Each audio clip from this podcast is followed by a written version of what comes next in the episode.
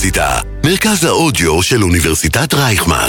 חבר הכנסת מנסור עבאס, יושב ראש אה, רע"מ, בוקר טוב. בוקר טוב.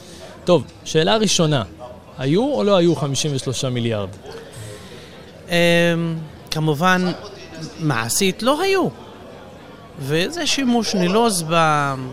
בידיעות שקריות. מה שהיה תוכנית חומש אה, לחמש שנים, 22 עד 26, 30 מיליארד שקל לכל מגזרי החברה הערבית, דרוזים, בדואים צפון, דרום, יישובים ערבים, יישובים ערבים אה, עם רשויות ויישובים ערבים שנמצאים במועצות האזוריות היהודיות, אה, ציבור ערבי בערים המעורבות. וזאת בעצם השקעה של המדינה בחברה הערבית, אבל בעצמה. מה זאת אומרת? שברגע שאתה מקדם את החינוך בחברה הערבית, כמעט שליש מהסכום הזה ילך לחינוך. Mm-hmm. תשתיות, בריאות, רווחה, הייטק, חקלאות, תרבות, ספורט, איכות סביבה. זאת לא כסף לרע"מ ולא למנסור עבאס, נתנו למנסור עבאס. זה בעצם, כפי שאמר נגיד בנק ישראל, זאת השקעה של המדינה בכלכלתה.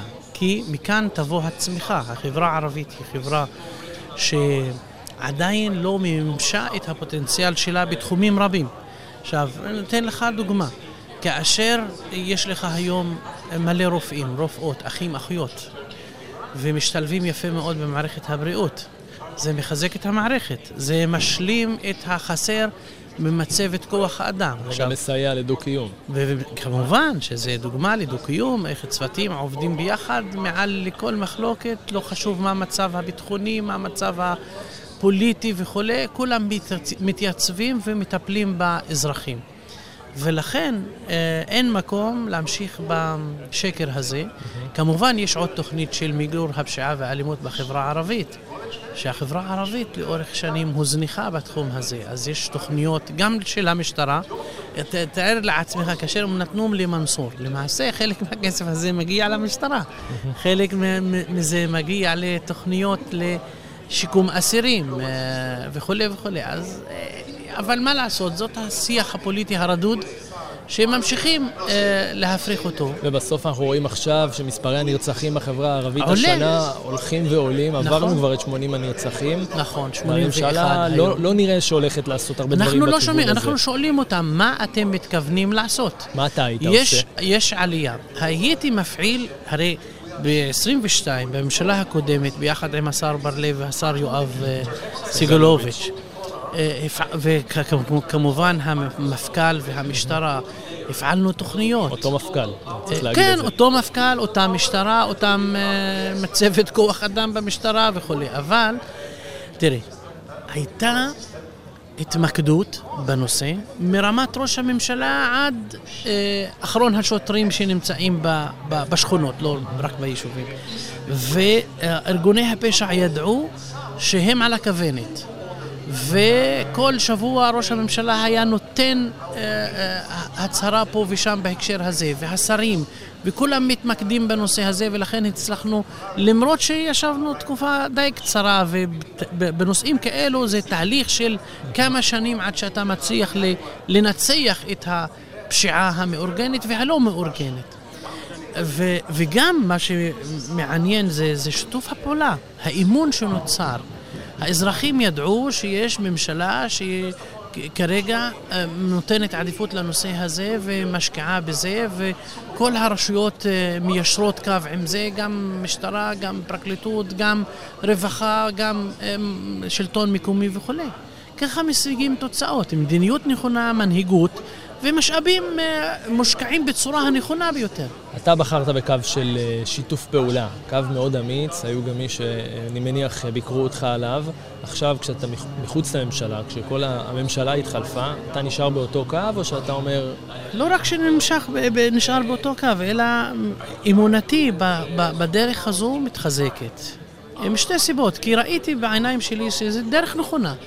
ומצד שני גם שים לב שהציבור הערבי נתן לנו מנדט נוסף והגדיל את כוחה של רע"מ והפכנו להיות המפלגה אה, המנהיגה של החברה הערבית. זה אחריות. ולכן בסופו של דבר אתה צריך לתת תשובות לאנשים, אתה צריך להביא להם פתרונות. אה, החברה הערבית, יש בה פוטנציאל אדיר לדברים חיוביים ונהדרים ונפלאים ו... ו... ו... אבל גם יש פוטנציאל של התרסקות פנימית. זה קול מאוד אמיץ, שאולי לא, לא, לא תמיד קל להגיד אותו, במיוחד לא כנבחר ציבור ערבי. אה, בסדר, זה קיבלת על עצמך את התפקיד הזה, ולהיות מנהיג שרוצה להביא אה, פתרונות לאנשים. יש ממד אישי שאתה... אוקיי, זה חלק מהעניין, לא רק אני נמצא תחת אה, ביקורת ואיומים, וכמעט כל מי שהולך בדרך הזאת, אה, הוא יודע שהוא צריך לשלם מחיר... אתה עוסק הרבה בסוגיה של הבדואים, וזו סוגיה שלא תמיד מדברים עליה, אבל לאן אנחנו הולכים כמדינה עם החברה הבדואית? אם שמעת אותי בכנס, אמרתי, יש דברים שחוסר קבלת החלטות משווע. כאילו, תחליט מה אתה רוצה לעשות. יש בעיה מוגדרת, פחות או יותר. תגיד, אני רוצה לתת פתרון א', ב', ג', אבל ה', ו', ו', לא. כאן חוסר קבלת החלטות. היו ועדות שכתבו דוחות והיו יוזמות של בני בגין ושל אה, ברוורמן ושל אה, ועדת גולדברג וכולי. כאילו, אנחנו לא חייבים להתחיל מאפס. דברים שגם נתניהו אישר אותם בעבר, צריך להגיד. אבל ברגע שזה מגיע לרמת ההחלטה המדינית-פוליטית, זה מתרסק. למה? ולכן אין, זאת בעיית המנהיגות שדיברתי עליה קודם. מנהיגי, הפוליטיקאים לא רוצים להיות מנהיגים ולקבל החלטות, והם חושבים שהם משלמים מחיר על זה. אני לא בטוח, בסופו של דבר, אפילו אם אתה עושה החלטה שהיא לא פופולרית היום, לא יחלוף יותר מדי זמן עד שהציבור יבין שמה שקיבלת אז, החלטה קשה, אבל היא הנכונה. איך. אה, בהקשר הזה של היישובים הבדואים בנגב, שים לב שבצפון הייתה אותה בעיה. כמעט 30 יישובים ערבים לא מוכרים. איפה כולם היום? מתחת למועצות אזוריות יהודיות. ומת... והיישובים האלו מתחילים להתקדם, תשתיות יפות, פיתוח, תכנון וכולי וכולי. כן. וזה מה שניסיתי לעשות בנגב, שהמועצות האזוריות שם, שהן חולשות על שטח עצום בנגב, שיקחו אחריות גם הם. כמובן גם החברה הערבית והשבטים חייבים לקחת אחריות ולשתף פעולה ולבוא לקראת, אבל ברגע שאין אמון, כמעט הכל מתרסק. חייבים גם את הממשלה בעניין הזה, אנחנו יודעים שזה מה שמשרד ראש הממשלה עסק בו הרבה פעמים. כן. אמרנו ראש הממשלה, איך היחסים שלך עם אה, נתניהו? לא, אין יחסים. אין יחסים, ואנחנו, מה לעשות? יש רק ראש ממשלה אחד. אה, פניתי לסגן ראש הממשלה יריב לוין, כי יש לנו מצוקה בתוך החברה הערבית. אנשים קישרו את זה לרפורמה המשפטית ורע"מ תיכנס, לא תיכנס לממשלה, זאת לא השאלה.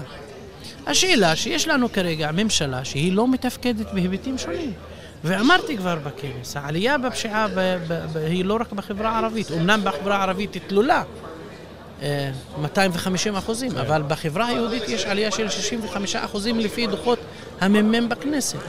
יש לנו כנראה משבר כלכלי. אני לא, לא בטוחים שהתקציב שיאושר היום כנראה בכנסת יצליחו לממש אותו לאור ההכנסות הנמוכות של המדינה. אני לא יודע אם זה ישתפר או לא ישתפר.